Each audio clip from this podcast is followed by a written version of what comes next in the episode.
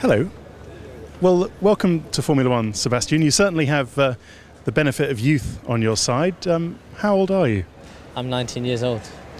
It's ob- obviously not that old for F1, but uh, yeah, I'm looking forward to my time here. How many tests have you done? I had only one test. Uh, I did around 400 kilometers, and uh, yeah, I mean, obviously it's not not a lot if you compare it to other drivers, but uh, it should be fine. And just tell us about your finger. You, you had an accident in Spa, didn't you, a while ago? Um, It's the right index finger, and the very top is still broken. Last week we had the, the race in in Nürburgring, and I won twice, so it shouldn't be the problem.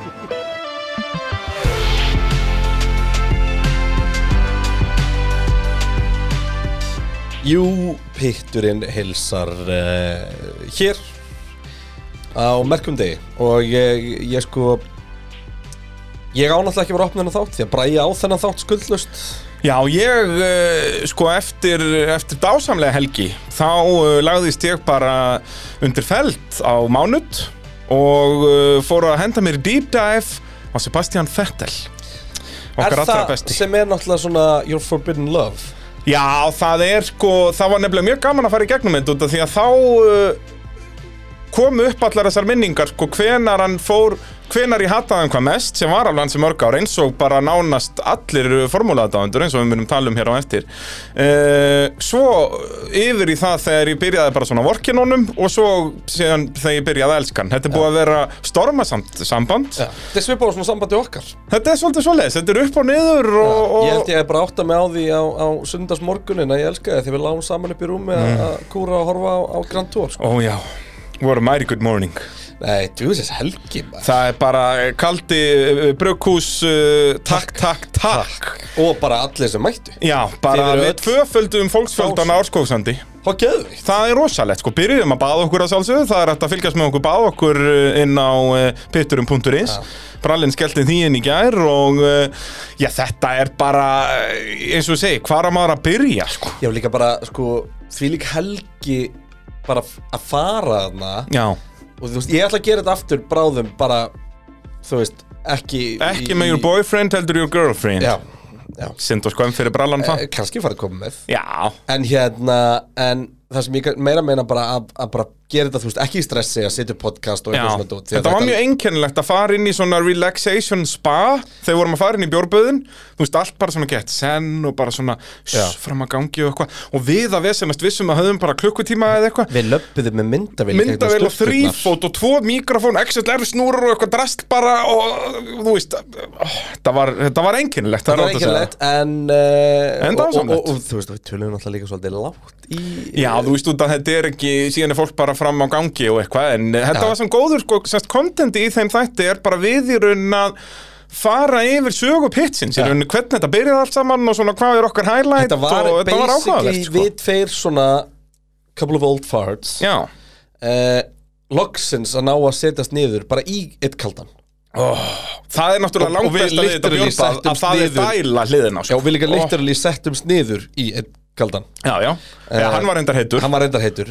En hérna, bara indislegt og hóteli frábært Hóteli geggjað, bara, þau voru opnið hótel bara núna fyrsta seft og bara dásamlegt. Ætli þau viti Ætli svo sem að mætti í morgumatinn Mm. Að sjá um að morgun eftir Hafi vitað Að við höfum farið inn í eldhús og fengið okkur að borða Meðan þegar allt var lokað. Já, út af því hún sáði okkur að gera það. Æ, þetta skemma skemmtilega svo ja. Já, nei, annars eru við the pricks Ef við segjum söguna þannig að við höfum bara farið inn í inn, inn Þetta á var það heimilislegt að Það, bara, heyrðu, það er í ískapnum Já, við svona vorum, heyrðu, við erum ekkert búin að borða síðan fimm, sko, þú veist, þetta er klukkan annar en tvö eða eitthvað um nótt. Við endum bara á að líka heil lengi Já, bara með Árskóksand krúinu, sko, þegar akkurar rútan var farin tilbaka, þá vorum við í tvo-þrjá tíma bara að spjalla við Árskóksand krú. Og ekkert eitthvað bara um Formúlu 1, sko, Nei, út af af því fólki vissi ekki hvað. Formúlu 1 var. Það var Þetta var bara svona, já, ég heyrði bara að var eitthvað í gangi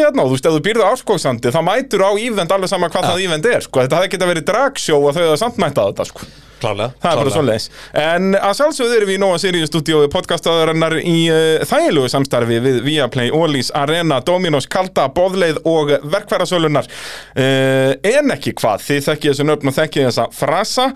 En uh, já, eigum við ekki bara að skella okkur beint í, í fettelin Ég Jú, er Þú svona náttúrulega vilt ekki deila með mér frekar en fyrir en þínu findings og, og það er fínt. Nei, ég ætla að vera, ég ætla að vera bara þú veist, við ætlum að fara í hérna eh, eins og þessi True Crime podcast og svona, ég er alltaf mjög gaman að því. Kona mér hlust svolítið á einhverja tvær uh, bandaríska stelpur, eða kanadíska stelpur. Og það er alltaf bara eitthvað það, það er ein alltaf að segja söguna og hinn kemur með alltaf Oh, I think I know where this is going það, Eitthvað, veist. þannig, og líka, þú veist, But að wait, didn't he earlier do that? Já, ó, já, líka til að halda fólki on, on track og svona, Já, þetta er já, mjög sniðu, sko, ég veit nú ekki hvort að við verum svo sniði. Nei, ég er líklegast bara að fara að grípa fram í og segja eitthvað sem ég man eftir, sko Já, og þa- þannig á það að vera, sko. Uh, og eins og segi, ég ætla að aðalega að aðalfókusin verður á ferilinu áður en hann kemst í Formule 1 og það, ég held að margir hlustendur hafi áhugað, veist, hvernig kemst maður í Formule 1 Þú veist, við náttúrulega fórum yfir þinn feril hérna í mótavarpinu og það er þetta að fylgjast með að finna þá þætti hérna uh, Peturinn en uh, eins og bara með Fettel hvernig, hva, hver var hans leið? Já. þú veist, hvaða titla vinnur hann og, og jæri, jæri, jæra þannig að uh, skellum okkur í þetta. Uh, Sebastian Fettel fættist uh, 3. júli í Heppenheim í vestur Þískalandi og það eru Húbert og Heike Fettel sem eru fóruldrar hans. Fæðist hann, hvað, hann er 87 módel eða ekki 1987, jú. Uh, og Heppenheim, þetta er ég ákvað að googla hann bæ eitthvað og ándjóks, efst á Wikipedia síðan kemur uh, Heppenheim is most known for the fact that four-time Formula 1 champion Sebastian Vettel was born there. Ella. Þetta er þú veist 20.000 manna bær og það er ekki neitt áhugavert við hann. Það er ekki einu sinni Vettel sapn eða neitt, ég reyndi að googla það. Það er ekkert eitthvað En er þetta ekki rétt hjá bænum hans Mikael Schumacher? Er þetta ekki rétt hjá, hvað er það, Kerpen? Það getur verið, þetta, nú getur þú farið að googla. Það er, það, það er verið þitt verkið þessum þætti að, að uh, hamra á liklaborðinu Það er bara svoleiðis og uh, já, til dæmis í byrjun 2008 tímubilsins þá var Fettel með svona rauðan kross eða svona crest á hjálmunum hjá sér sem er svona Hvað svo, á hvaða tímbili? 2008, þetta er þá í fyrsta Formule 1. full season hans í Formule 1 að þá er það partur af hjálmahönnun hans sko að hafa svona bæ ég held að það sé meira svona sístlu já, sko og eins og er í allir Evrópu í rauninni. Bara eins og vera bara í, ég veit, húnavarsarheppi eða eitthvað. Já, að þá er það svona er logo fyrir það sem hann skellt á hjálmin hann er uh, Proud Heppenheim maður. Og líka náttúrulega hann fæðist þegar að það er ennþá splitt í tvent þannig að hann er í rauninni frá vestur Þískalandi okkar allra besti. Uh, hann á tvær eldri systur og einn yngri bróðir Fabian Vettel fættur 1998 það eru hvað, góð 11 ár hann á millið þeirra.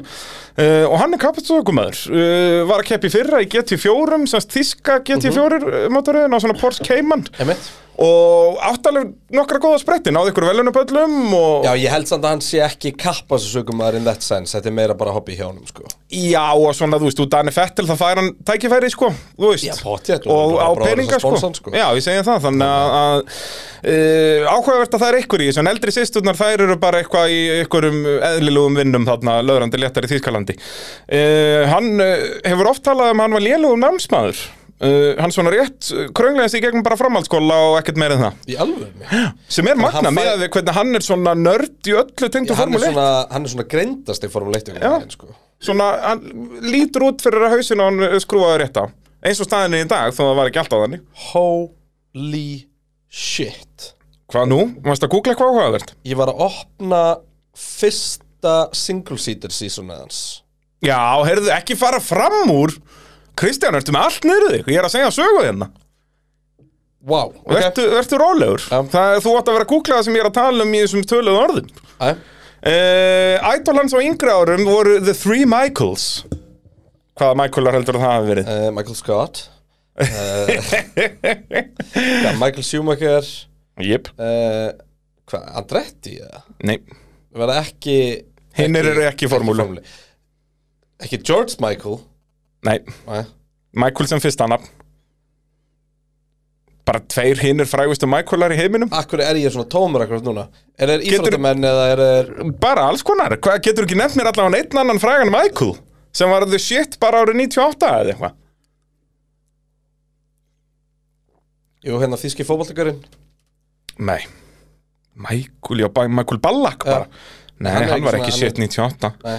Hann var the shit 2008 Ok, uh, afsakaðu fáfræði mín í Michaelum Einn íþróttamaður og einn söngvari. Búm, hvað með þetta? Bring it home.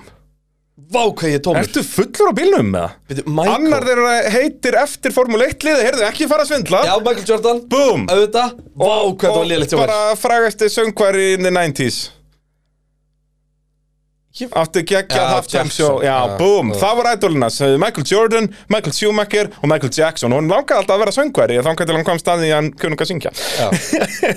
Eins og kannski margir grifi. Já. Uh, Auka, þú veist, uppáhaldsliðans er Eintracht Frankfurt og mér þykir það nú ekkert ásamlega áhugavert en uh, þá vitum við það. En þá förum við í djúsustöfið, hann byrjar að keira go-kart þryggjára uh, byrjar að keppa átt ára. Þannig að þetta er, þú veist svipu saga og hjá flestum þessum gæjum að þá eru fóreldrar þeirra, þú veist svona go-kart fyrir þryggjára, þetta er bara eitthvað svona vagn á hjólum. Já. Þú veist, þetta er ekki beint keppnisbíl er það? Nei, þetta er bara, þetta er bara, þetta er bara kassabíl, sko. Já, þú veist, með einhverju bara tvíkingis bara Þú líkur við að geta alveg bara að fara út í Us og keift bara bíl Skilur Já. svona rafmaks, svona eins og gutti minna á svona Lambo Já, akkurat, já, þetta er svona einu stepp fyrir ofan það, Það er samt ekki, þetta var bara, þú veist, þetta bara hreyfist og þú fattar að þú átt að snúa stýrunu til vinstri til vinstri og íta bremsun Já, en síðan náttúrulega vant að löggreita er þetta ár eftir ár, sko. Þanga til henni komin á það bara svona keppniskortu fyrir krakka þarna 95, þá var hann 8 ára gamall. Já. uh, Vinnur sem fyrsta svona regional titla og já, alveg nokkra svoleiðis eh, 97 Mhm. og þá er þetta meira, þú veist Þetta er ekki beint mót, þetta eru kannski svona fjórar keppnir. Já, en hann er í þessum Bambini flokki, sko sem Já. er, þú veist, krakka. Ég elska þessi nöfn.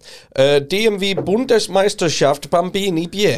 Boom. DMV Landsmeisterschaft Sud Bambini B. Já. Uh, Og uh, hann heldur síðan áfram að vinna sest, einstaka Landsmeisterschaft. keppnir og veð? Hann er, hann er double Landsmeisterschaft Meister Búm shakalega Og þetta er það væntanlega þannig uh, Ég veit ekki hvort að þú veitir þetta En þetta er væntanlega bara svona einhver ein sísla í er sko, eins og ég er að sjá þetta þá er greinilega sem sagt, uh, þýska sambandi að halda þessa kemnir Mhm, ABAC, og, hérna. það er, já, uh, og það er eitthvað svona lokal sem, veist, það er, það er, það er regional og, Og síðan, en, veist, það er svona town og svo regionals og svo nationals. Já. hann vinnur landsmeisterschaft sem ég gerir ráð fyrir að sé landsmeistaramótið þú veist Sem er það orðið já, hann Í þessum í- þú veist þegar, Já, Bara fyrir krakka í, eru. fyrst í Bambini B sem Já. er vantarlega fyrir ennþá minni og svo í Bambini A Og er þetta stærri. eru bæði flokkar sem koma skilur á undan junior Já. Skilur, junior er fyrir ofan þetta sko. það, Þá erum við að tala með að þessi koma Evrópa heimsæstarum átti Já, junior flokki þá eru sko. þeir líka konu bara í hella sko. Já, bara störtladæmi, bara litlir en samt ógæslega hraðir, skilur En þú veist, þetta segir Þeir eru svolítið full size í junior sko. E, Já, er það svoleiðis? Sest allavega hvað varðar wheelbase og svoleiðis Já. og sætið og svoleiðis er auðvitað minna Já, og, en, og, en þú veist, þetta er orðið bara svona Full og við vorum að keppa hérna bara Já, rótaksarnir og, og þetta sko. En þú veist, þetta segir svolítið hvað það eru litla líkur á að Íslendingar mun nokkuð tíma að negnast formule 1 okkur Já, hann er búin að fara í endalust af keppnum Tíu ára Já, fyrir tíu ára aldur er hann búin að fara í gegnum kannski svona fjóra go-kartbíla og þrjá mismunandi fyrir, flokka fyrir tíu ára aldur er hann búinn að keira myndi ég segja svona 50 fleiri keppnir en ég gera öllum mínum gókartferli Já, 100% 100% Bara út af því að þannig náttúrulega líka keft allan þessu ring og þú veist, Akkurat. hvað Íslandsmóndið, þetta eru 56 keppnir. Já, og tvær keppnir og á allt á helgi. sömu braut. Þú veist, það er bara Ég hef einu svona keppt á annari Já, þú náður Reykjanesbæ og, og rallikursbrutinni Já, ég náði, ég náði einni áraleikurspyrinu og svo bara Reykjanes Já, þú varst bara í Reykjanesbæ, basically, já, það var það hægt aðal. að keppa áraleikurspyrinu út af mér. Já, já, það er góða punktur. Eh, Þegar þú uh, valst þar, en það er svo sem keft þar enn þann dag í dag. Já, já, En uh, það var hægt hann í eitt ár eða nokkur ár. Já, allar minn fyrir Já, í rauninni, þá, þú varst bara alltaf á Reykjanesbæ. Og hvað þetta var alltaf hjá þér, var þetta bara sest, ein helgi sem voru, eða einn dagur sem voru tvær keppnir á degi og þrýr dagar, þannig að þetta voru sex keppnir í sísón. Þetta var yfirleitt þannig, kannski átta, og síðan var stundum alltaf- F1 mótið, Já, sem var svona endurance. Það sem voru keikt í 90 mínútur eða eitthvað. Ég vann það með einhverjum ringum já, ég man eftir því, hann á Ég- þú veist, ég held- 2005 Ég held að það hef verið 2006. sko, þú veist, áttarringir eða eitthvað Já, bara eitthvað svona, sko. bara vitleisa uh, En já, vinnur fyrstu ríktilantitlana þarna 97, heldur áfram að vinna. Hann fær svo samning hjá Red Bull Akademíunni 1998 Þetta þótti mér mjög einkennilegt. Þarna heitir þetta Red Bull Junior, eitthvað svona leiðis Og ég fór að googla þetta Þetta var alveg þing, bara Red Bull Juniors Já, en sko, ég fór að googla Red Bull Juniors Og samkvæmt Wikipedia síðan er, er þetta ekki stopnað fyrir 2001 og ég fann ekki neitt sagt, ég held út að þarna var sagt til Red Bull til. Junior lið sem var bara RSM Marco sem var formúlu 3000 lið sem, Sem bara Helmut Hel, Marko. Helmut Marko li- liðið þanns í formúlu Hann var 3000 bara sponsaður af af Red Bull, Bull. og ég held að hann hafi bara búið til svona sitt, e, sína eigin akademíu sem hann fekk Red Bull til að sponsa. Já, verið. Þannig að official Red Bull Akademían byrjar ekki fyrir 2001 en, en Fettel, sest, Helmut Marko er komið Fettel á radari sinn hann 98 Skiljanlega Ég meina, hann er eftir- 11 ára. Það, er ekki flóki að horfa á hérna, Ég er bara að horfa á Wikipedia síðan við kart, hérna, Career Summary Já. og það er oddity ef hann er ekki fyrstur sko. Já, og þú veist, og nú getum við að fara að pæla í sko nöfnunum sem eru aðni kring Förum núna, nú byrjar bara upptalningin bara ár eftir ár Árið 2000, þá er hann 13 ára Þá fer hann að keppa í German Karting Championship í juniorflokki sem er þá einum fyrir ofan þetta Bambini stöf þarna uh, Endar í fymta sæti sérst í móta röðinni þá er það alveg fullt að keppnum út um allt Þískaland og meira segja keppt í Hollandi og, og öðrum löndum í kring, jafnvel Pólandi líka Hvaða ár eru að tala um aftur? Þetta er árið 2000, og þetta er serið sest, sem Robert Kubica var meistar í árin og undan, 99, sest, í, í þessum juniorflokki. Já. Uh, Sturlu Starrett, Nick de Vries var meistar í þessu árið 2008 og 2009. Mhm. Þú veist, Þannig að þetta er alveg orðin stór serja og þannig eins og Nick de Vries, hollendingur, að þessi þíska serja fer alveg líka þessu út fyrir Þískaland, sko, þú veist eins og, Já, mikið, að skandinövum og, og, hérna, og þannlega þannig að Mhm. Þannig að e, þetta er legit serja og hann á, á sínu fyrsta sísón endar hann í fymta seti síðan er hann í Monaco Kart Club Junior, þar endar hann í 20. öðru seti og það er alltaf bara ein keppni eða tvöföld keppni yfir eina helgi eitthvað svo leiðis en samt svona alveg ein virtasta Já, en það er ein svona virtasta gokarkeppni og það er mitt var Kubika meistari í juniorflokki 99 og 98 Allt sem að heitir eitthvað cup en ekki championship er bara svona byggarmót. Já, þú veist veist, eins og það er Macau var oft þannig. Macau var yfirleitt Macau er þannig. Já, bara það er bara Macau Grand Prix sem er fyrir Formúlu 3 bíla en þetta er ekki partur inn um mót. Já, það voru alltaf tvær, það var Macau og, Og og, Masters. og, og Marlboro Masters Já, sem var á Sandvort. Já, var e- eiginlega alltaf á Sandvort, það var stundum í Assen í Belgíu. Já, eða hérna eða það var okkur um einum öðrum stað Varst þú nálægt í að ná keppi í Macau? eitthvað. Já, ég var á leiðin til Macau Er það ekki? sko. Þú veist, bara þeir, Karling voru alltaf, þú veist, eins og Fettel fyrst í sénsinn hans og Karling, það var Macau ef ég mann rétt Við förum yfir Já, það eftir þá er hann, já, já, við fyrir með það eftir en, en já, ég náttúrulega sko, já, ég átti að keppi Macau, það Mhm. var ákveðið en uh, ég náttúrulega keppti ekki síðustu keppnina 2008 út í að það var ekki hægt að flytja peninga frá Íslandi Já, út af það var allt farið fjandans til og, og, Macau er í lokárs þannig Já. að, hérna er og, svona end- Já, bara þú veist, það, það var ekki hægt að borga fyrir það. Já, hvað, Macau, er þetta á í rauninu bara suðuströnd Kína, basically? Já, er þetta ekki eiga? Já, eða í, já, já, það getur er- verið, eða er svona lítilega rétt við Þetta er náttúrulega basically bara eitthvað ríki sem er bara, þetta er bara svona sem að taka Las Vegas og lefa því að vera Sjöland Þetta er bara Monaco, Monaco, Kína bara, já, nema þetta er miklu stærra. Já, og miklu meira uh, Dirty, sko. Já, þú veist, þetta er eins og Monaco var árið 1930, basically Já, þú veist, Macau er byggt upp eins og ég skil það á kasinóum, uh, vændi og mannréttindabrótum og, og hérna eitulíum. Já, Já eins og ég segi, þetta er bara dirty business Mhm. uh, eins og Monaco byggt upp basically, ég veit nú ekki með vændu og svona, jú, það var ábygglega nóga þýli handa líka uh, Þetta er að sjálfsögðu allt saman í þægilegu samstarfi við Viaplay uh, núna er nú landsleikilegi í gangi þannig að það er eitthvað landsleikir núna Ísland Venezuela á 50 dag og ég veit ekki hvað og hvað Helviti skellu verandi fara til London næstu helgi, djúvill hefur til að fara og leikja með mínu munum. Já, En hérna, um, ertu hún að horfa á Perry McCarthy? Ja? Ekki búin að ég ætlaði að gera það í morgun en ég þurfti að fara að klippa eitthvað vídeo og gera og græja.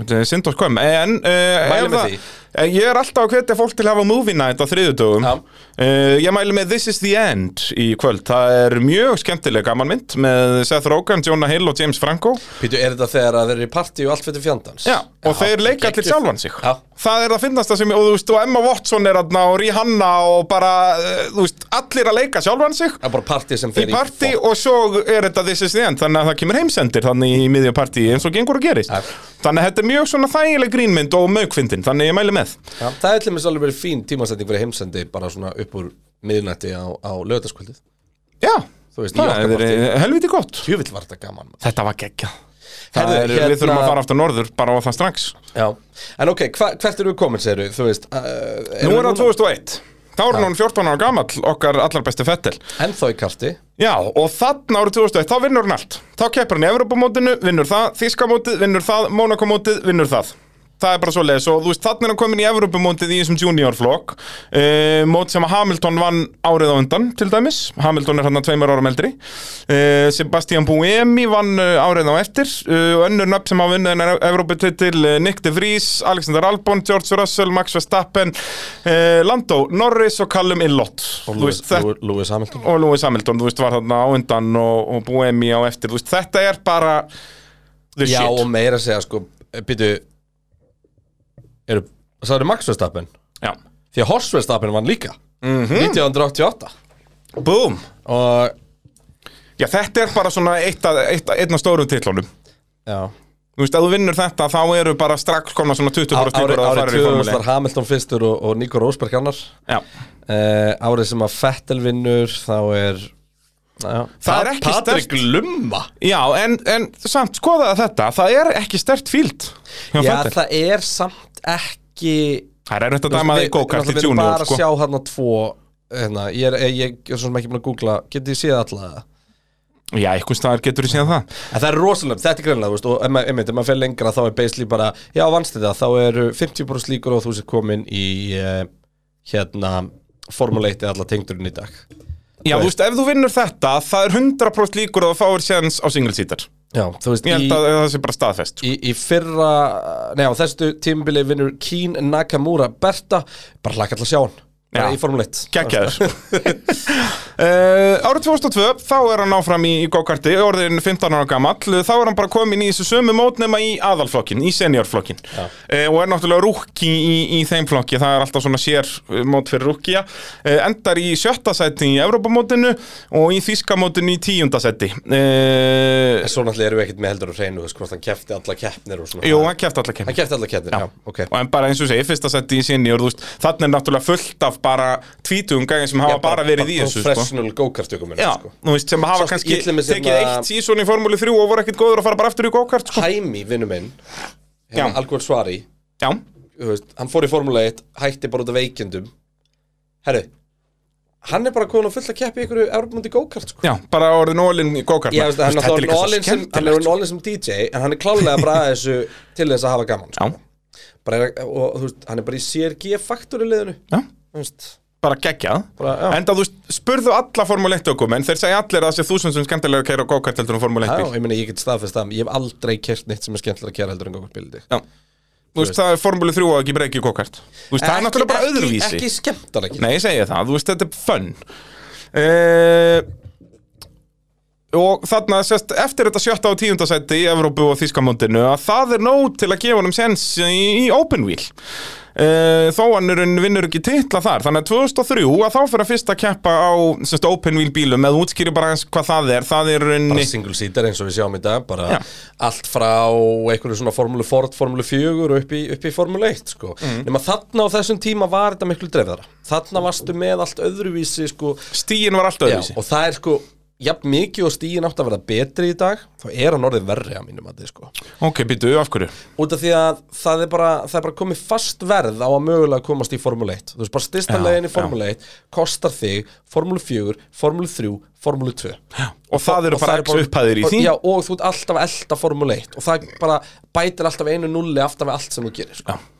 og hérna, Meðan að hitt gast, þú gast verið miklu meira harki þarna já, ég þekki nú þetta Formula BMF dæmi heldur vel sem hann fer í þarna því að þetta er Já. fyrsti single-seaterin ég, nei, ég líf því, þetta er ekki fyrsti single-seaterin sem ég kerði því að bara sem úlingu fór ég að út og prófaði Formule Ford og það var bara svona Hvernig er það? þá bara ekkert um hann þjó 15 ára eða eitthvað Já, ok. Hann bara Og Formúlu Ford er basically eins og Formúlu 3 bíl með engi vangir og náttúrulega minni og miklu meira power. Það er eiginlega eins og gókarspil Já, þú veist, kassa. já, nei, en sest, útlitið á honum er miklu nær Formúlu 3 bíl Það er engin vængir á honum, þú veist, Já, er já. svo, hann er svo Lotus uh, 49 Já, Hérna, þetta er svona lítill Formúlu bíl með engum vangjum Þannig að þetta er unni sömu karakterar og í go-kart bíl Þú þarft ekki að fara að læra Donfors já, uh, þetta er bara að kenna að kera bíla áður þú ferðið inn í, í single seater Já, ég gerði það sko Tölum við ekki um þetta í, í mótustar Jú, mér minni það núna þegar þú ert að segja það sko. Þetta var basically bara bara amma og afi fóru bara með mig til útlanda og ég fór einn dag í svona racing school sko. Já, akkurat. Og hérna, og það var bara gaman. En, en sem sagt, fyrsti, fyrsti, fyrsti bílinn sem ég keiri er einmitt formúli BMF bíl svona með Karlin sko. Já Og, uh, það og er ég einmitt átti að 2003 keppa í þessari seríu. Og þetta er, þetta er stórkostlega apparat. Minnir hans 1400 mótor í honum. Mótorhjólamótor. Já, þetta er sett formúla BMF ADAC sem við erum að tala um. Hann er þá í þýsku mótoröðinni Adak Já, er er þýska svona lía sagt bara þýska sambandið. Einmitt, og til dæmis ástæðan fyrir því endi í Formule 3 er að regional keppninar voru lagða niður. Sem sagt Þýskalandskeppni, breska keppni þannig á að saminaði Evropu keppni sem að fóra að elda Formule 1 Já, og hvað gerist þá? Þetta dó samstundis Já. uh, En geggjaði bílar, eru hipp og cool og koma í sko BMF Formule 1 litunum orginal Já. sko og svona, alveg bara hipp og cool sko Þú veist, þarna 2003, þarna er BMF tilfæðanlega nýkomnir inn með Williams Er það ekki 2001? Jú, ef 2000? ég maður rétt, þá voru velunin einmitt sko test hjá Williams. Það er, við erum einmitt að fara að komast að því. Að það fyrir að vera meistari þarna þá færðu automatist bara að testa Formule 1 bíl bara með Formule 1 liðinu og official liðinu. En Mhm. Og það, það er er náttúrulega eins Williams og- í þessa daga ekki út af þannig BMF sáber ekki komið sko. Það þekkist aðalega sem svona regional dot Þú veist, ef þú skoða til dæmis alla breskustrákana Já. í Formule 1 þá unnu þeir eiginlega allir tímann hérna, hvað heitir það, Macla nei, hérna Autosport McLaren uh, Awardið eitthvað þannig Já. sem er sem sagt svona shootoutið fyrir the hottest prospect í, í, í yngri mótoröðum og þeir fimm sem komast í úrslitin þar fá held ég allir sko, nei já, þeir fara í gegnum svona evaluation og, og þjálfunabúður og einn fær að keira McLaren. Já. og hérna, þá var allar McLaren, ég veit ekki hvort það er ennþá McLaren í dag. Og hérna og þannig að það er fullt af svona incentivum það sem er verið að gera, en þú veist, þetta er náttúrulega tví, tvíþætt, sko, þetta er í fyrsta lagi liðin að kynnast krökkunum ungum og hérna, og líka að gefa tilbaka og gefa þeim bara tilfinningun og ef ég maður eftir og vinnur sko það, þá er þetta held ég fimm daga prósessum út á Silverstone Já. og hérna og þú, þú, þú, þú keirir alls konar shit sko, lumann bíla og alls konar og, Já, og vinnur með liðunum sko. Já, Já mjög- og þú veist cool að sko. læra að setja þetta upp og Já. bara keira hring eftir hring eftir hring. Það er uh, helvíti magna En þú veist, eins og þarna, já, 2003 og 16 ára gamall er Fettel komin í Formúla BMWF Mhm. uh, Þú veist, ef við ætlum að setja þetta í íslenska hvernig var best fyrir Íslendinga að gera þetta í dag Þú veist, þú þyrftir að vera orðin Íslandsmeistar í go-kart 13-14 ára í allra síðasta lagi uh, vera Já. komin í evróska go-kartið uh, ná því, þú veist, 15 ára 15-16 og síðan reyna að fá breykið þarna 17-18 á, á single seater Já. þú veist, allt eftir, þú veist, og þá ertu meira að segja áafsett sko. en, en það svona gæti sloppið ef þú ert bara the shit þannig að, að þetta er eins mikið strögglu að gerist, það er bara svonleiðis en uh, já, eins og við segi 2003 fer hann í Formúlu BMWF endar í öðru sæti með uh, 5 sigra af 20 reysum það sést Formúlu BMWF eru þetta eru 10 helgar með 20 keppnum. Það er alltaf tvær keppnir á sömu braut Já, þíska og, og þessi, hann í Þískalandi þetta, svona, þetta var ekkert ósip á Breska Formula 3 þetta er, veist, svona dagatalið. Þískalands útgáðan, þú veist, það kefta á Hockenheim og Nürburgring og Lauritzring og Norrisring og aftur á Nürburgring og, en svo líka farið, þú veist, Sandvort A1 Ring og hvað? ATR í Ítalju veit ekki hvað það er. Hvað er ATR? jú, býtu, ég held að ég tala er um það eftir. Adria. Já, Adria. Ég tala um það á eftir, já. Hérna, Eh, ég, ég veit ekki hvað brönd er eins og Nei. En þetta er þarna, þetta 2003 tímabil Þetta er nú alveg þokkalega stert greitt Svona fyrir lokalkeppni Þótt að hérna Þótt að hún sé ekki mögnuð En, en þú veist, að lendi í öðru sæti þarna á fyrsta tímabili. Á fyrsta tímabili. Vinna Görus og Adrian Sútel sem er talsveit eldri. Um, En þarna sést tapar hann fyrir Maximilian Götz sem einmitt var í öðru sæti árun og undan. Já Og hann, Eh, hann og hann var á eftir- DTM og einhverju dóti Já, sko. Er þetta þar ennþá? Já, en sérst þarna 2002 þá vinnur, þá er þessi Götz í, öðru sæti. Á eftir finnanum Nico Rosberg.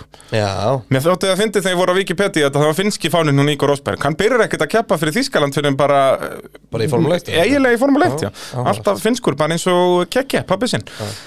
Uh, Derek Walker uh, byður uh, Fettel test þarna á Reynard Motorsport uh, eða sérst fyrir Reynard Motorsport liðið í Champ Car á Homestead Road Course í Bandaríkjónum hann fær, uh, Fettel fær test í, í Champ Car árið 2003 sem að mér finnst helvíti magna 16 ára gamall.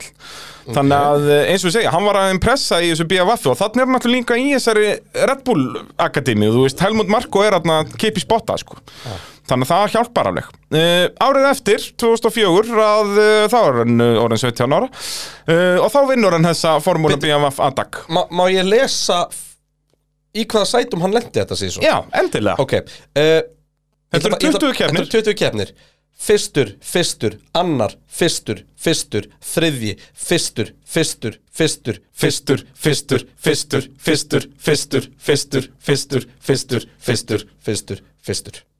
Það, hann var fyrstur í öllum keppnum nema tveim og það var hann annar og þriði Í 20 keppna móti. Og Bold er er 1, 2, 3, 4, 5, 6, 7, 8, 9, 10, 11, 12, 13, 14 Hann er með 15 af 20 ráspólum Já. og 18 af 20 sigurum En, horfðu á fíldið. Við þekkjum Sebastian Buemi aðna en þannig er hann á fyrsta ári.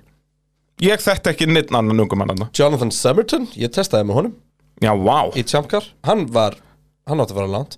Uh, Reynir Rast er hann um, En bara smá á tímabilinu. Um, Sko Chris Vanderdrift En í sjálfskur, hann var var þokkalega góður. En ég er alveg samanlega, þetta er ekki Þetta er ekki það, field, sko. Það að Natasha Gashang sé í uh, 12. sæti Þessu segir alveg svolítið mikið. Já, já, og, og sérst Ég er ekki, við munum komast að þegar líður á þetta þannig þátt að þetta er ekki, Fettil er ekki lélur aukumaður Nei, sko. en, en þú verður að munna þannig Þannig er hann í þískri regional keppni.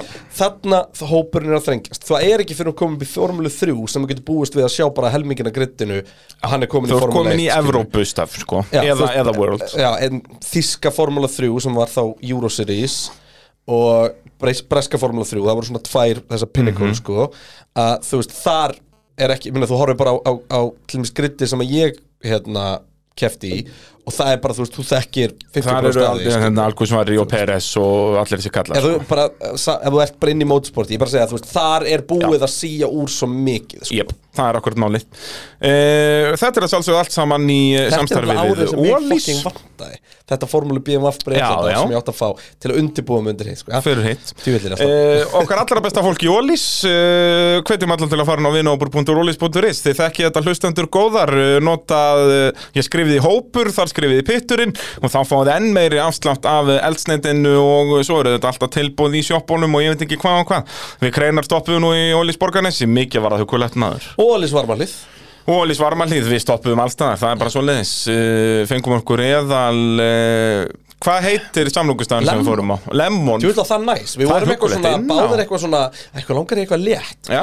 Endum bara í djús í eitthvað. Það var helviti gott. Það var krútlegt hjá okkur strákonum, óvænt að segja það Uh, árið 2005 er Sebastian Vettel orðin 18 ára, verður 18 ára það ár og þá er hann komin í þessa Formúlu 3 Euro Series uh, þarna sérst er þá hvað vantarlega búið að saman þetta eitthvað, hvað heldur þú Kreinar? Formúla 3, 2005? Formúla 3 Euro Series Já, Nei, Formúla 3 Euro Series var bara var það basically svona þíska og síðan var breska líka með stert, eða þú veist Já, hvernig virkaði já, þetta? já. Þa, það var aldrei svona pjúra Evrópumestramót sko. Akkurat, akkurat. Og- þetta er svona það er basically bara mainlandið gegn Bretlandsegjum eða svona þannig Já, pínu, og það er pointi með Masters og Macau Já. Og því að þú varst með Formula 3 Ástralíu, þú varst með Formula 3 Japan, þú varst Já. með Formula 3 Afrika, þú varst með hérna, Formula 3 eh, Þískaland, þú varst með Formula 3 Ítalía og þú varst Já, með Formula 3 alveg Breska. rétt, já. en Breska og, og Euroseries eru þessar tvær svona premium, allar hinnar voru sekundari sko. Akkurat, akkurat. Uh, Fettel endar þarna í fymta seti á eftir Hamilton sem var í mitt fymti þá árið á undan. Adrian Sutil, Lucas Di Grassi og Frank Pereira. Þú veist, þarna þekki ég alla nema hennan Frank Pereira. Þú veist, Lucas Di já. Grassi, markvaldur formúli E-mestari Adrian Sutil, þekkjum hann úr formúlinu og svo þetta Hamilton. Þannig að þú veist, þarna, eins og talar um þarna er fíldið orðið djúvillig stert. Já. Og hann er fymta seti á fyrsta sísoni, alveg eins og Hamilton gerði árið á undan Þetta er rosalegt fílt sko. Já, virkilega stert. Og þarna er sérst Fettel efstur í rúkifloknum Það er alltaf sem sagt Þó er Já. keppallir saman þá eru nokkru merti rúki Og þá getur verið rúki og því er skilur að þú ert fyrstur í því. Einmitt. Þannig að bara mjög solid fyrsta sísón Vann Eða bara mjög gott í runni En það var líka eitt Lewis Hamilton svolítið að dominera þetta ár. Já, það er uh, svolítið svoleiðis. Hvaða liði var, var Fettel með hann? Uh, Man ekki hvað það var, það Er að fyrst skoða nafnaði Jú, ég er með það hérna Hann var með Múki, já Múki er ekki Múkki. lið, sko. Með hverjum var staðar. Og Hamilton? ASM Já, hérna. það var, það var toppurinn hann sko. Uh, hann enda síðan í þriðasætti í Macau GP sem er svona standalun formúli 3 keppni á eftir Di Grassi og Robert Kubica Þetta er þá Kubica að keppi ykkur annari sériu en keppir í Macau GP uh, Hvað sé, 2005 Macau Já, Já, að þá er hann á eftir, þá vinnur Di Grassi hérna Macau sem eins og ég segi, var Di Grassi ekki er hann ekki tvöfaldur formúli meistari Uh, jú, hann var alltaf svona næstum því Formule 1 Já, alveg mjög næstum því Alveg, Fl- uh, Skemmtlu náungi. Já, virkilega, hann, er hann ekki einna bara svona hausunum á baku formule? Jú, hann endaði í, nei, býtu, endaði hann ekki á að fara inn í fía og stýra einhverju svona ramagsvæðingu neðri seri og eitthvað, eitthvað svona Og síðan basically er hann einn af stofnundu formule Ég held að hann sé? Ég minnir það, veist, þegar formúla E byrjar Já. Þá eru svona öll viðtölun við hann Þú veist, eins og svona David Coulthard með V-Series. Þá var svona Degrassi svona andlitið skilur náttúrulega með fyrirtækja bakvisi og, og fullt að liði Já, skilur ok. En Degrassi var svona svona driving forceið í þessu sko. Ok, skemmtilegt. Uh, síðan keppir Fettel líka í Masters þarna 2005 sem er þá uh, Formule 3 keppna á Sandvort fyrir rauninni bara allir geta skráð sig. Já. uh, og síðan ein keppni í spænska Formule 3 þú veist, hann var busy þetta ár. Hann náði nú einhvern spes árangur á Masters og enda 11 eða eitthvað ég mann rétt. Um, Sjötti sjötti, já. En uh, það er 2005 já. Æ, ég er að horfa 2006, sorry. Ha, þú ert búin að spóila En síðan náttúrulega 2005 fær hann test hjá Williams Formule 1 liðinu fyrir sérst, að vinna hérna ADAC dæmið hérna Formule BMF stöfið Þannig að hann fær hann að tvekja þetta test með bara á, á Williams Formule 1 bíl Já. á HRF Þá var William bara hipp og cool. Já, bara geggjaður, þú veist, hann kerði ábygglega 2004 bílinn, bara mjög góður Formule 1 bíl, sko. Þannig að hann heldur betur að safna reynskabangur hann, þú veist. Keira 2005 bíl, það er ekki Partí- búið að banna testing. 18 ára gamall að kera Formule 1 bíl. Ja. þá ert þú að byrja þinn feril í Formule 3 Nákvæmlega. En þú veist samt eins og, já við berum þig saman um þetta, þú ert ekki samt, þú ert ekki tveimur skrefum eftir honum, þú ert einu skrefum eftir honum. Ef þú pælir í því þannig. Uh, Já, en búin að hoppa yfir sex skrif já, er það vandamál. er, eh, þú hoppaðir yfir allar junior sem sagt, go-kartin og Evrópu go-kartið og Formule Ford og eh, Formule BMW þú varst að keppa við ykkur að gamla skarfa hér í go-kart á þetta er Íslandi svo fyndið þegar maður skoðar svona feril og bara magniða keppum og svona Já. hvað þetta var fáránlegt task sem ég var Já, eins og bara, Bara- Kimi Rækonin, þú veist, næsta mál hjá mér verður að gera Kimi Rækonin svo Já. Hann var svona bara, þú veist, þegar hann keppir í Formule 1 er hann búin að keppa undir 20 keppnir og single-seater bíl, Já, sko. hann var svona búin að keira ógeðslega Já, fullt af testum og stöffi, sko. Búin að vera í gókartali Þú veist, það er málið á Íslandi að, þú veist, jú, þú varst búin að keira ykkur ringi á, hérna, gókartbrautinu og eitthvað svona, hérna rallykortbrautinu en kannski ekki alveg eins. Nei, og þú veist það var ekkit, það er ekkit brjálæðislega fjölbreytt úrval af beigjum eða brautaraðstæðum eða malbyggi eða dekkjum eða neitt sko. og svo er bara hægt að gera þetta fimm mánuð ári. Svona basically. Nei, ekki, ekki þess að við gerum það Nei, nei, það er hægt að negla sér á klakkan uh, Þá komið að 2006 og þá fara hlutinnar að gerast Það er svolítið svoleið Þannig er hann sem sagt basically alveg sama prógrami og 2005 sérst F3 Euro Series eh, og tekur Masters og Macau. Uh, og er í öðru sæti í Euro Series á eftir Paul Di Resta. Þá þarna með ASM liðinu sem er, er það ekki samanlega á árið með fyrsta árið, er það annar lið? ASM Múkja Já, Já. Já, þá heitir það ekki Nei, hann var í ASL Múki á undan. ASM er liðið sem að uh, Hamilton var í árun undan Já, ok, ok, þannig að þetta er hann komin þetta er upp um komin lið í besta liði sko. Akkurat, akkurat En, ASM heitir Art í dag já, ART, hérna, já, akkurat sem voru bara ART og Karlin voru svona Arts Nemesis Já. í, þegar, veist, já, Masters og svona, var alltaf ART eða Karlin sem var að berjast um, um hérna, Macau-sigurinn og eitthvað svona Já. sko. Uh, eins og ég segi, já, Fettel í öðru seti þarna á eftir Paul de Resta, náttúrulega nafn sem við þekkjum í, kefti í Formule 1 uh, lengi og er núna bara á Sky Sports en svo uh, ringja Karlin, Karlin Motorsport í hann. Og þarna er ábygglega Helmut Marko líka byrjar að pull some strings. Það Karlin eru þarna byrjar að vinna með Red Bull svolítið mikið. Mhm. uh, og keppir, fjórar keppir í Formule Runo 3.5 Já, Formula Renault 3.5 er dröldu cool mótoru Það var basically bara Er það ekki svona Formule 2 basically? Jú. Já, þú veist, þarna 3.5 var- litra hérna, single seaterar með ógeðslega miklu downforce. Þarna var Runo með heldur cool concept sko. þá fór, Runo var hann að búa til sinn eigin svona kappastega Já, og voru alltaf með Formula Runo 2.0 sem er bara hérna svona næsta fyrir, það er svona Formula 4 já. Um, það Komnir ekki- vangir en, en ekki alveg Formule 3 Akkurat, Formula BMF, Formula Runo, þetta var svona sam, sambarlegt dæmi. Runo var aðeins ræðari, ég vil nú kyrt báða. Já, uh, hérna, hvenær gerður þú Formule Runo? bara ykkur testi. Við vorum alveg að skoða það eftir Formule BMF dæmið. Já, Ógeðslega leðilegu bíl, hann undistýrði bara allan daginn. Já, já. Og hérna uh, Og Toyota Racing Series bílinn er sama grind. Tatus grind, þannig að franskt fyrirtæki. Ok. En allavega, Runa var að búa til svona einstig og þeir voru með heldur cool þess að prógram þar sem að þetta er náttúrulega 2006, þú veist, þannig er Runo the shit. Þannig eru tvöfaldar heimsumstæður í Formule 1, sko. og, og það, það er ekkert langt sér og pappi Hæmi Algursari átti þetta. Já, það? Þetta er sem sagt Voltsins bara Runa og það allt saman, alveg rétt. Ok. Hérna, um, Þannig ég þekkti aðeins inn í þetta. En sérst pointið þarna var að Runo voru bara með og þú, þú, þú, þú mættir og þetta var bara svona Runo weekend. Þú veist, það var bara Clio Cup. Og það var, þú veist, Runo 2.0 og það var Runo 3.5 Já. og, og eitthvað svona meira, sko. Akkurat. og alltaf Formule 1 bíl sem að var að keira líka og eitthvað svona alls konar það var bara mjög cool. Og fóru bara, þetta var bara World Tour. Veist, það voru ekkert svo marga keppni, það verið þú 7-8 eða eitthvað.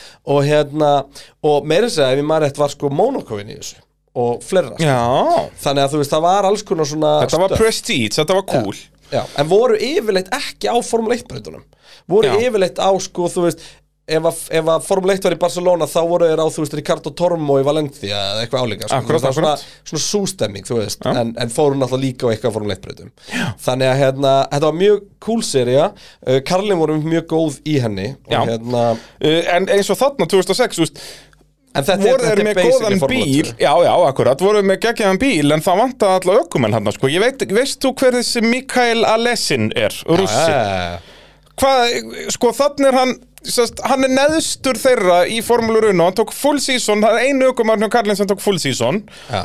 Og hann er neðstur þeirra sem tók full season Enda er 13. eða eitthvað já, hann átti bara rosalega ríkan Já, rústneskan pappa mér leifir þeir að kiska á það með En þetta hann, Mikael Alessin hann endaði á því að fara í sko Indikar ef ég maður rétt. En þetta er að leiðilega við motorsport. Hvað þú kemst ógeðslega langt ef þú bara dælir peningum í þetta. Því að var- þú dælir peningum þá getur þú testað og testað og testað og kert og kert og kert þannig að þú verður alltaf sæmilegur. Mikael Allison var mistari með Karolin í Já, hvað 2008 eða eða eitthvað 2010 þá Já, var, þá var og þessi mótoru eiginlega döð sko. Já, þá eru basically allir farnir yfir í e- eitthvað Formúlu 2 eða GP2, hvað er GP2 eins og þetta þá, já og þannig er hann sem búin að vera að keppa í 5 ár sko. en þetta var miklu ódýra sko. þetta var svona þetta var mjög sniðugt koncept sko. Já, akkurat þannig að Uh, en þess að uh, Fettel fær þarna sjens með Karling í þessu Formúlu Runo 3.5 uh, í loktímbilskeppurinn í Macau í, nei það er bara í Formúlu 3 það, Það er er með, 3, með. Karling samt Já. þá er hann ekki með hann, byrju, hann kefti ASM. hann kefti 2005 í Macau líka já, en þá ekki með Karling nei, hann kefti 2006 og 2007 er það ekki? Jú, með, með Karlin uh, En þess að tvær keppnir Þetta voru áhugaverðar helgar sem hann fær Í þessu formúlu 3.5 Ef við færum, förum aðeins við það með Karlin uh, Og bílinn bara mertur Red Bull Bara mega hipp og cool uh, Fyrsta keppnin er á Misano Á Ítalíu. Uh, Og þess það er þá tvær keppnir sunnudegi Og það er annarsætti í fyrstu Og fyrsta sætti í setni já, og Póll Og Póll, þú veist, bara störlaður árangur í fyrsta skipti að keppa svona bíl Og bara, heyrðu, ok. Og hver var hans helsti samkjömsæðali? Pastor fucking Maldonado. Já, þannig hann mættur alveg rétt. Ég er nefnilega að skoða fyrirlið vel Pastor Maldonado. þessari segir Ég þetta er nefnilega að fór að skoða þið fyrirlið Pastor Maldonado um daginn. Já. Hann átti hörku junior fyrir sko. Bara eins og Latifi og Ja. fleiri, Þetta er svo fyndið hvernig þetta er, veist. Þess vegna, við tölum svo mikið um þetta og höfum talað um þetta í allt sömar með Nick de Vries. Nei, hérna með Niklas Latifi. Piastri. Það pjastri, já.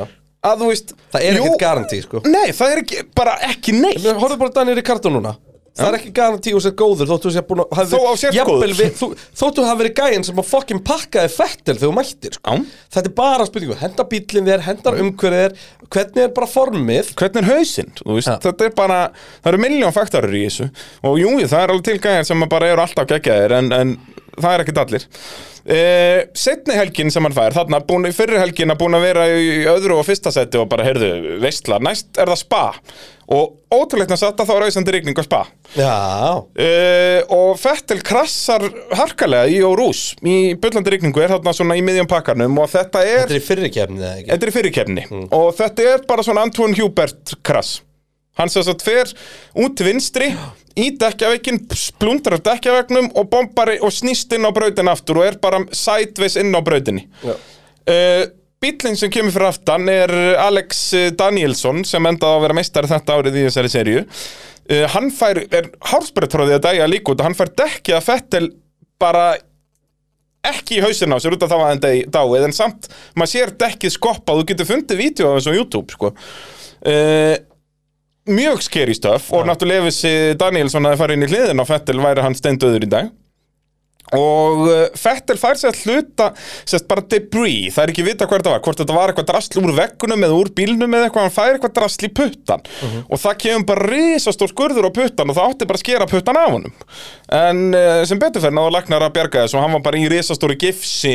Þetta er geggjum mynd með honum með karlingfólki Já, er þetta ekki þegar, já, hann missir hann næstu í hann missir næstu í puttan, hann er bara, þú veist, það var bara Já, út af að hann var alltaf með svona geðveitt stórt eitthvað Já, hérna. út af því að Já. gifsið er svo risastórt, þetta er bara gifsið svo fyrir bara eh, heila hönd nema bara yfir puttan. Og þá voru þeir karlingstrákarnir að gera grína og alltaf að buggu til sér degið sem voru þúsund sinnum stærra. Það var endalist af myndum af þessu upp á vegg Já, get trúa því, ég Já. fann nokkra myndir á, á internetinu sko, þetta var uh, dásanlegt uh, En þetta er ástæða fyrir fagninans Alltaf hann fagnar, þá er það vísifingur hægri handar sem fer á loft. Já, ég vissi þetta ekki. Það er svolítið svoleiðis. En ég, finnst mér þetta ljóst að mynd og þannig Já, sko. og líka, þú veist, þú þekkir þetta fagn, það er alltaf hérna, og maður heldur bara, já, ég er nummer one, en nei, það er ekki svo Bara, leys. Ég er með putta. Já, er, þessi putti var næstum því horfin, og þú veist, þetta var basically bara eitthvað bara, hann var heppin að besti læknin og var að vakta akkurat þegar þetta gerðist,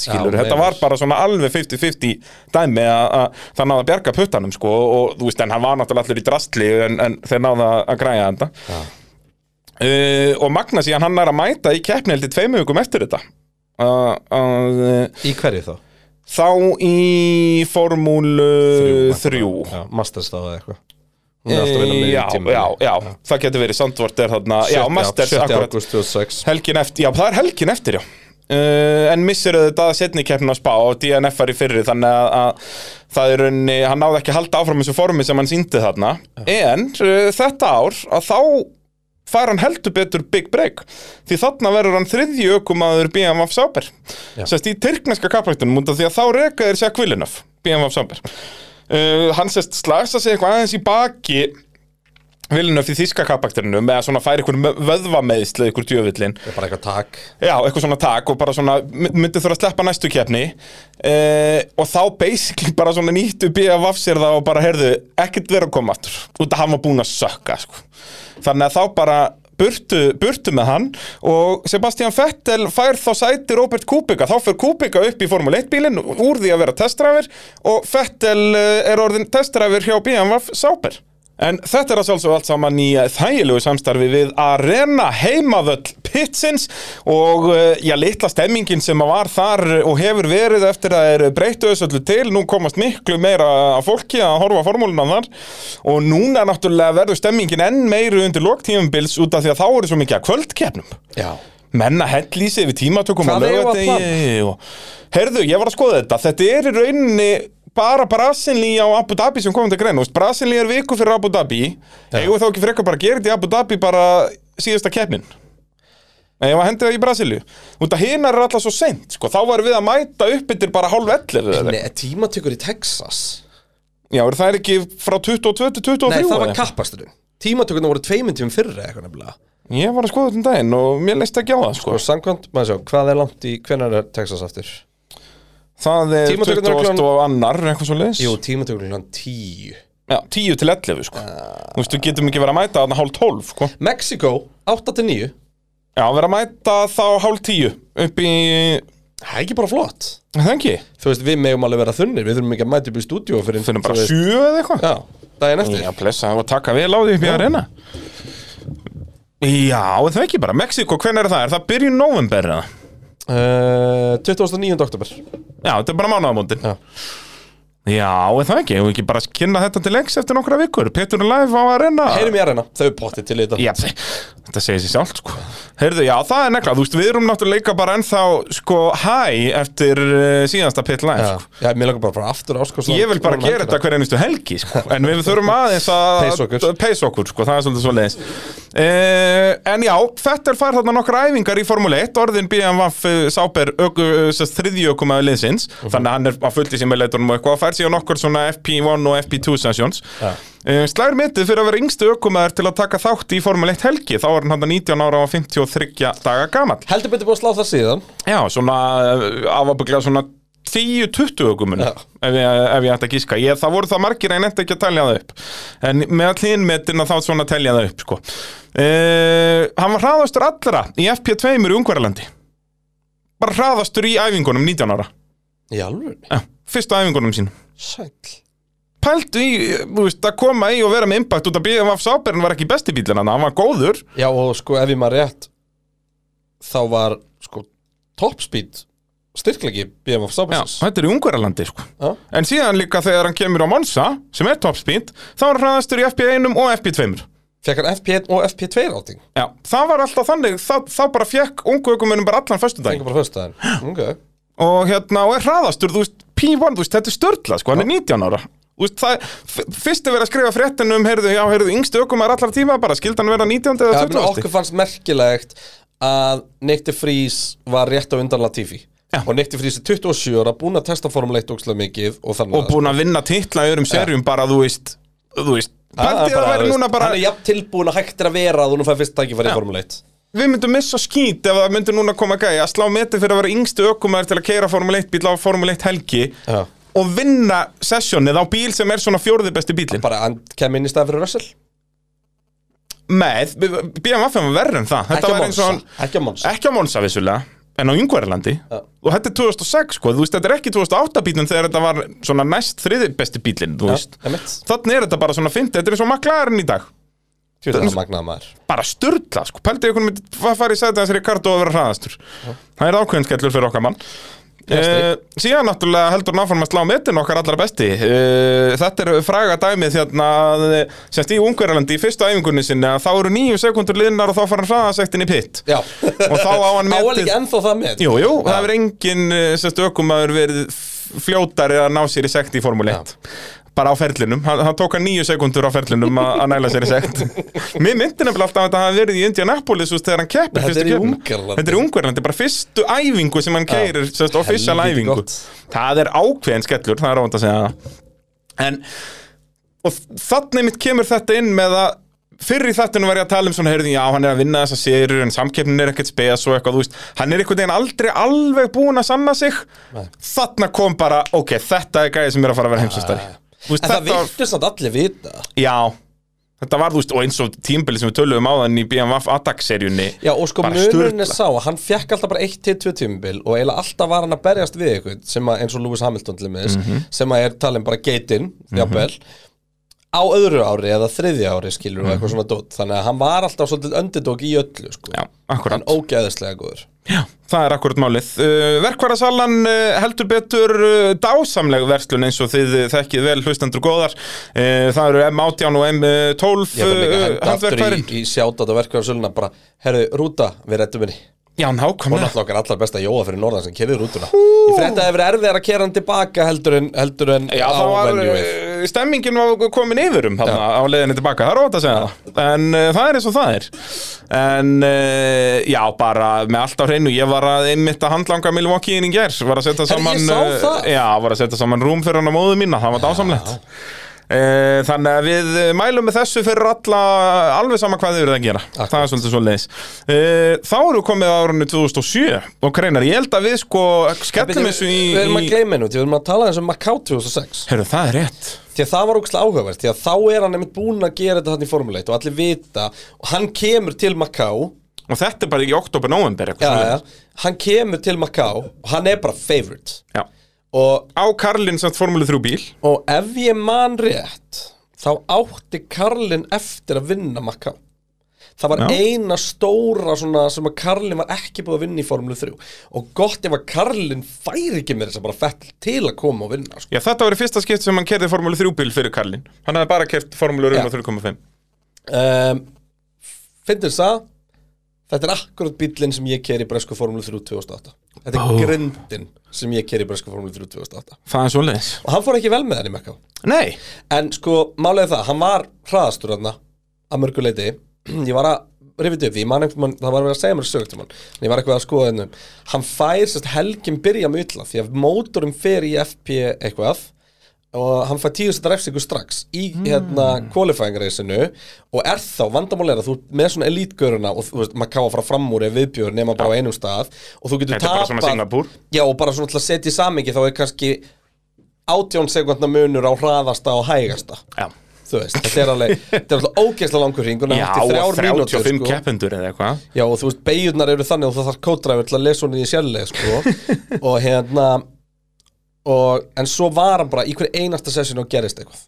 Þú veist, það er krass fyrir framann hann er ekki að koma svo undan og hann er með hérna, bogna fjöðrun alltaf kemna og hann missir framvæng og þú veist, þetta var allt eitthvað svona. Já, hvað En- endar, hann endar hvað 2003 eða eitthvað bara En þú veist, eins og segja, var favorite en það bara var allt í Já, hann liftuna var bara fenginn til að vinna þetta sko. Já. og ég man, þú veist, þetta var ennþá bara því að Karlin var ekki búið að vinna Macau þegar ég kem til þeirra. Já, og þe þetta var bara, bara bara markmið sátt í hjartað Já. að þetta vikast sko. En það er hipp og cool að þetta er grindin sem að kreinarinn kerði Já. Það er eh, dásamlegt. Það er líka, þú veist, það eru svakalig nöfnina sko, gaman að skoða þetta. Já. Svo svo fyndið, þú skoðar sko, einmitt, þú veist, Ráspólstími, Kamui Kobayashi 2.14.5 var sérst Ráspólstímin í Q1 um, Já, einmitt, hægasti 2.27.7 og þar er 110% qualifying time. Það er ekki 107%, Ekki 107, það er já. 110% Og- en þá er líka, það er ógeðslega fyndið það byrtist alltaf bara fullt af einhverjum ökumunum frá Macau sem að enginn hefur nokkuð tíman hýrt um. Jep Bara með Macau fánlan Já, já, já. já, já. Uh, En eins og ég segi, ég held að við munum splitta þessum þætti tvent sko, að við munum fara yfir Formule 1 ferilin í næstu annars viku held ég bara að við gefum þau ekki nógu mikið gaum Ég held mér ekki, finnst sko. ógeðslega gaman að fara yfir hennar junior karriérinu Já, ég held að við hendum í, í formúluferlin næst Þannig að við förum yfir 2007 sísoni núna Já. Og eigum þá 2008 til dagsins í dag bara í næstu viku Já, Þetta er bara það áhugavert sko. En þetta er líka, maður finnur það, þetta er nördaþáttur sko. Það, er alveg, það eru nokkri hættir að hlusta núna sko. 100 p. Það, 100 p. er, eh, það er svolítið svoleiðis. Þetta er fyrir, þetta er fyrir allra grjótturust formúlunötana að hlusta þetta. En eins og segja, áhugavert að vita hvernig stígin virkar. Uh, og árið 2007, orðin 20 Sebastian Vettel, þá tekur hann full season með Karlin í þessari formúlu Runno 3.5 sem er svona svipa á formúlu 2 er í dag. Uh, og heldur náttúrulega áfram sem þriðjökumaður hjá BMW Sauber, formúlu 1 liðinu. Já. uh, fær sin fyrsta sjens í Formule 1 uh, því að ótrúlega satt, það gerist nú ekki ofta þessum tíma alveg eins og í dag að ökumæður slasast og næri ekki að mæti keppni en náttúrulega Robert Kubica á þarna horrorkrass í Kanada Já. Uh, og bara þetta er svona krass sem að flestir þekkja. Þeir sem eru ennþá að hlusta núna vita hvaða krass þetta er. Og ef ekki þá getið YouTube að þetta. Þetta er ógeðslegt sko. Ógeðslegt sko. og magnaða Kubica er rauninni bara slasast ekki meir en hann er rauninni bara að missa næstu keppni sem er Indianapolis í, í Bandaríkjónum uh, þar ræsir Fettel sjöundi og endar áttundi og verður þar með yngstu ökumæður til að skora stig í Formúlu 1 en uh, þetta er með sem er líka búið að slá í dag. Veistu hvað eru margir sem eru búin að slá, taka þetta á honum? Yngst til að skora stig? Já, um, Þetta er 2007 þetta er 2007 Þetta eru allavega átta aukumenn Nei, þetta eru bara fjórir. Ha? Leclerc? Nei. Leclerc kemur eldur Þetta er Norris, Já, Verstappen. Já. Þú Eh, nærð ekki ekki sko á tvo held ég. Annar er að keppa í dag, hinn ekki. Annar er að keppa í dag hinn ekki. Já. Var, var Peres að það? Nei, Nei, Hvenar, hvað var Peres gamall þegar hann kemur?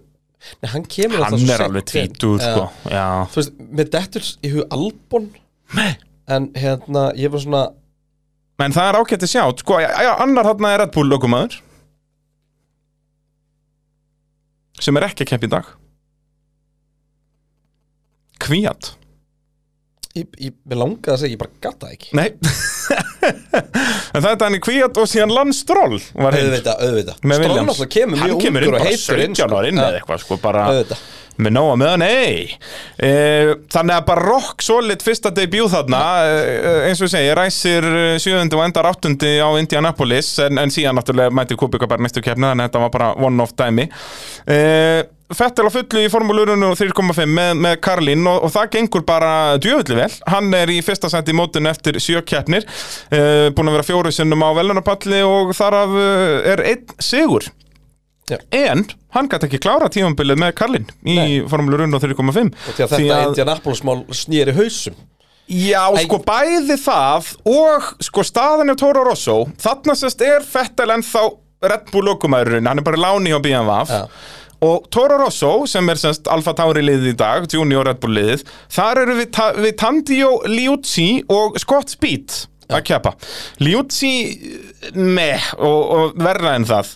Scott lélegur og með derring. Já, en með svaltna Scott Speed, þetta er rosalegt Þetta er svalast þannig Þú veist, við erum að segja- svalt og willpower við erum, Willpower toppar þetta En þú þú veist að er Við segjum að sko. Logan Sargent sé cool, það á ekki breyki Scott Speed, sko. Er sko. En Will Power er náttúrulega rosalegt, sko. Indycar-meistarinn uh, nýkrýndi. Já, tvöfaldur Já, en sko Scott Speed, þetta, þetta gæti verið mesta tussa sem við veitum í, bara Er motorsport. Já.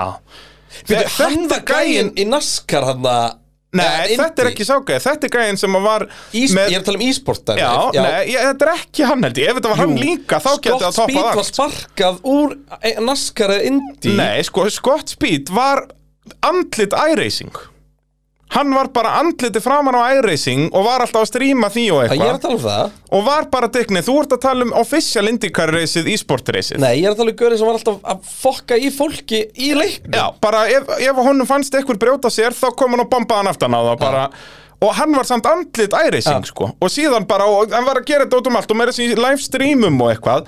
Þannig honum var sparkað, hversu mikill aumingi og fáviti þarf þetta að vera ef, að þú ert andlit leiksins Já, ég meina, þú veist, nú stríma ég stundum og, Já. og ég ætla ekki að segja ég sé andlit leiks eitthvað líka En ég, ég reyna að haga mér allavega svona Já, pældi því ef að þú, Þú veist, eins og ég segi Það er ekki eins og að setja spokesperson fyrir Nei. þetta En, en þú veist, Bara, þú bara ert nafn, tengt formúlu í Já, Íslandi pældi ef þú væri svona bara Æ, hörru, hann kerði utanum, ég ætla að bomba á hann Já. Bara í streymi hjá þér, skilur Einmitt. Bara, yes, þessi maður, Þetta er svo mikil ég Og þarna var hann að skýta á sig með Toro Rosso og byrja þá að tala um Heyrðu, liður alltaf að segja bara þeir ætla að fara að reka okkur og bara að baktala alla en að lesa veist, Þetta er svo mikil tussu drullu fáviti sko, að halva þeirra hellingur sko. og fyrir vikið uh, er honum sparkað þarna bara mitt sísón enda ekki annað hægt, þarna ertu með Söðruðan Ökumann sem er að baktala allir liðinu og með Sebastian Vettel á samning og hann er búin að skora stig með BMW Einmitt. Þetta er eins mikill no-brainer og það gerist sko. Þannig að eh, það er staðfest þarna í rétt rúmlega, um, rétt rúmlega mitt tímabil að Scott Speed eh, fer og Sebastian Vettel mun taka sæti hans. Klára tímabilið. Já, uh, bóðleið að sjálfsögðu með okkur í pitnum en ekki hvað búin að vera næstum frá fyrsta degi. Þannig ef að þig vantar trausta bókaldþjónustu eða símkerfi eða netþjónustu að þá heyrur í okkar allra besta fólki í bóðleið Hérna, skemmtilegt að segja frá því að fætla að gera hann fyrir Karlin Mhm. í, í Formule 1 og 3.5 og hérna, þetta er á sama tíma og ég er fyrst að heimsaka Karlin svona og ræða prospektu og kynast liðinu og eitthvað svona fyrir næst tímbil og hérna ég mani með þetta að þú veist, ég var tekinn túr og verið að sína mér Formule 1 og 3.5 bílinn hans og eitthvað svona dót, sko. ok, ekki Þannig að hérna Og það er akkurat og þá, bara, þá allt í hennu var maður farin að vita hvað namn það var. Ég vissi hver að væri bara til að hann búin að vera ókslega góður í Formule 3 og öllu þessu. En þannig er hann skilur að gera debutið sitt í Formule 1 og bara eitthvað, en, en taldu þetta, þú veist, út í að hann var hann að Karolínu Ökumæður í hvað, 2-3 tímabil? Svona on and off. Já, já svona tvö. Það sem er talað vel um hann Af öllum sem hann vann með Og hérna, ég man alltaf þegar hann og Hamilton var að berjast Og maður var að spjalla við strákana Og því að þeir unnu svolítið með Hamilton. Hamilton keft aldrei fyrir Karlin sko season En hann tók tvö one-off race með Karlin mm. Og þeir sögðu bara, það er mesta dick sem ég hef einhver tíman unni með. Þú veist, hann bara, hann var bara krakka skítur þá Hann var jú góður að gera kapparspíl En hann var farin að haga sér eins og hann væri bara með. Fettil vissi hvernig allir vildu tegið sitt. Já. Þú veist. En þú veist, þetta held ég að þessi mjög stór partur að því að komast landi í þessu, sko. Út af því að þú veist, þú þekktir þetta. Annar hver maður sem hún talaði við þarna og þú varst alveg um, einn af þeim liggur við, kannski ekki alveg dick, en þú var svolítið fullur að samlega þér. Ekki við liðið mitt, ég vissi Nei, þetta, að ég þú- vandaði mér rosalega Ég það, segi það, en þetta er allir sem eru komin í þessu stöðu og það er náttúrulega partur að komast í þessu stöðu er að vera mjög uh, hérna, uppfyllur á sjálfum sér og svona en annar hver maður hérna er dick. Upp frá fáti Já. En það, þú veist, ég áttaði mikið upp Mér varst mjög gaman, ég, manst, ég sagði frá Ég var eitthvað, hérna Ég man ekki, ég var að leita að einhverju myndi eða eitthvað Af einhverju ákveðnu mómenti og hérna þá datt ég okkur síðu þar sem var svona verið að gera upp árið í Formúlu 3, verið að gefa öllum engun og þú veist, ég var með einhverjuna 999 af 10 mögulegum í, þú veist, media friendliness og eitthvað svona dót, já, skilur. já. þú veist, að menna það var engin annar með, sko, veist, ég held að Peris að vera með einn, til dæmis. Það það Hann bara nefndi þess ekki. Nei, bara, þú veist, bara hafðu þetta ekki í sér og það er ekki, þetta er ekki svo spurning um að þessu, þetta er bara spurning um að, þegar þú ert- að leiðinu upp, þá er þetta ekki spurning með að þú nennir ekki einhverju mídja. Það er alltaf að vera orðin Formule 1 ökumæður með uh, öll tækifærin og heimsmyndstar og nenni ekki mídja. En á, á leiðinu upp þá þarf það um að halda alltaf að koma á framfæri til þess að kveikja áhuga sponsorum allt þannig. Sko. Algjörlega Þannig að hérna- partur á prógraminu Þannig að var mjög fyndi að Fettel er einmitt á svipuðum stað með, með þetta. Þú veist að hann bara, hann skildi allt eftir á svo ógislega góðan hátt að það langa öllum til að vinna með honum aftur. Og maður heyrir þetta í Formule 1 skilur og allir, öll liðin, þeir tala allir ekki að vel um Fettel og maður sér það bara inn í skúr Það veist það bara fór allir Aston Martin að grenja þegar hann tilkynnt að vera að hætta. Já. Hann er búin að vera þannig ár, sko. Ég segi það, það er akkurat búin að vera hann í fókin ár sko. Þetta er bara, þetta er geggja á gæi Það er óvægt að segja það. Uh, Eins og ég segi, Toro Rosso rekka þarna skott spýt eftir þýska kappaksturinn þá eru sjö keppnir eftir. Og fyrir ungu ekki kappaksturinn er Fettel kynntur til legs og hann fær meira þess að strax eins og hálsvarsamning Það er strax gefið út að hann muni klára tímabilið og kera allt 2008 ég tímabilið. virði það því að það er þetta, það er svolítið sko þetta er, svona, þetta er alveg pínu Red Bull áður fyrir því að þeir pössuðu aukuminn Já. og þannig beinslega að segja Fettel það er engin pressa á þessu tímbil Já. þú ert með samlingi fyrir næsta ár. Læriðu, þú veist, þóttu krassir ykkur einustu keppni svo lengi sem það þér eru búin að taka út fyrir næsta tímbil, Mhm. þá erum við bara góðir. Líka út að þeir vita þannig að Toro Rosso bílinn er möglilugur Þetta er ennþá bara mín arti þarna sko Já, og á sama tíma hefðu öll hinliðin verið til í mögulega að grípa Akkúrat. kom með smá reynslu, búin að sanna sig og Red Bull vissu hvað var mjög höndunum og hefðu ekki Þannig að þetta er bara mjög gott múf þeim. Uh, Og síðan er líka tilkynnt að Liotzi Hann fær vissulega bara að klára tímabilið En það kemur Sebastian Bourdais kemur inn fyrir hann á næsta rétt, það voru þannig The Two Sebs Já, two steps í Toro Rosso Mér fannst alltaf 2008 leiðist að. Bourdais gekk ekki betur Því að hann var flottur dræfur Sturlaði dræfur sko. Hann Formule 1 Hann var svo ógeðslega góður í öllu öðru. Já, en við tölum betur um hann uh, í næsta þætti í rauninni þegar við byrjum á 2008 tímabilinu. En uh, eins og segi, Toro Rosso bílinn var alls ekki góður á þessu tímabili og eftir fyrstu fjórar keppnundar hans Vettel þarna af þessum sjö sem eftir voru að þá er hann enn stiga laus þegar að við komum til Japan Hann var ekki keppt á Suzuka þetta árið, heldur Fuji og þetta var sturlu helgi út að það var bara tsunami að fara neyðir það var Alveg grenjandi, ausandi rigning alla helgina. Þú veist, í tímatökunum byrjar, þá er ekki rigning en brautin, það eru pollar á brautinu þegar hún byrjar og síðan er hún svona að þotna og Fettel nær nýjönda sæti í tímatökum. Já. sem, eins og ég segi, hann er basically að keira Minardi, sko, þú veist, það er, er djöfulli góður árangur. Uh, nema hvað, að hann er síðan komin upp í þriðja sæti í keppninni eftir sást mikið kaos, þú veist, þetta voru þrý, fjórir, fimm öryggisbílar sem koma að hann Já, en hann, hann var samt, þú veist, mikið kaos alltaf þannig Hann var samt að vinna sig upp hópið Já, þú veist, þetta voru ekki frísæti, hann tekur fram úr alveg nokkrum og síðan náttúrulega fara nokkur frí og eitthvað. Og síðan mann ég sko Fernando Alonso krassar þarna þegar það er, þú veist þrýr fjórðakeppninu búnir. Og þá var ándjók staðrindin svo að Bert Mælander þegar hann er búin með þá ringi í öryggisbílnum var hann búin að keira fleiri ringi heldur en Fernando Alonso gerði í keppninni samt var þetta þrýr fjórðu búnir að keppninni þegar Alonso krassar sko. þannig að það sýnir svolítið hvernig kási var. það var líka bara, þetta var rugglu keppni þetta er keppnin sem að Lewis Hamilton tryggir sér titilinn sem hann kasta sig frá sér í Kína. Já, út af þarna eru þessast tvær keppnir eftir eftir Fuji Já. og eftir þessa keppni út af Alonso krassar að þá er Hamilton, hann vinnur í Fuji og þá er hann komið tólsteg á forskot og þarna fyrir tíu steg fyrir sigur. Nefnitt þannig að honum hefði dugað annarsættið í Kína og þá hafði hann orðið meistari í Kína. En ef hann hefði bara verið þriði í fjórið þá var hann basically samt örugur já, já, já, já, já, já, En já. hann síðan endan í, í graveltrappinu inn í pittin í Kína og svo girkassabillun í Brasilí og, og allt fyrir fjandans til Jep. og okkar allar besti Kimi verður meistari. En uh, við tölum um hann Sem að síðar. vera með undirbúðsögu hóðnum Já, það verður að vera sko. Við skuldum það frá síðasta hausti. Já Uh, líka til að fagna því að uh, krakkinn hans var að keppi sinni fyrstu gókarkeppni og var hann að vinna, já, Vann hann sérst, já. Robin Rækonen vann uh, sína fyrstu gókarkeppni Bara elska það, það er geggja uh, en þá er þarna sérst þegar Alonso krassar þá kemur örgisbílun út aftur. Uh, Fettil er bara rocksólit þarna í þriðasetti, fyrstur er Hamilton Mark Webber annar, Mar- Webber þarna að fara að ná besta árangri Red Bull lever, þarna er hann í, í Red Bull senior liðinu uh, svo kemur Fettilin sér ekki neitt í rigningun og bombar aftan á Fe- Webber, þeir detta báður út. Nei, Webber dettur út á staðnum og Fettil brýtur framvæng og þú veist endar ekki í stegum, Ég skilur var að gleyma þessu. Þú veist, pældu, þú veist Á baku öryggisbíl sko. Já, þa þarna voru, var, sérst, bæði Red Bulliðin að fara að tryggja sér sem besta árangur í Formule 1 Já. Toro Rosso að vera í þriðja og Red Bull að vera í öðru. Já. Og Fettelin torpítóar aftan á Webber og tekur að báð út en á baku öryggisbíl það ekki? Já, fyrir aftan öryggisbíl Þetta er, þú veist, Hamilton hægir vel á sér Fer eitthvað til hægri, Webber spottar hana sent Fer til vinstri og bremsar alveg niður Og Fettel mætir hann bara og það er allt í hennu bíl og þú horfur á veist- yngar það sést ekki neitt. Nei, nei, nei, nei, þetta er svona dæmi, það meika ekkert sem sé væri bara út af brautinni sko. Já, þetta var bara þvæla sko. og eins og segja, það er ekkert mál að finna yngar aðeins á YouTube og þetta er bara, þú ert bara að keira hann er bara á öryggisbíla hraða skilur og allt í hennu byrtist bara bíl, hann getur ekkert gert.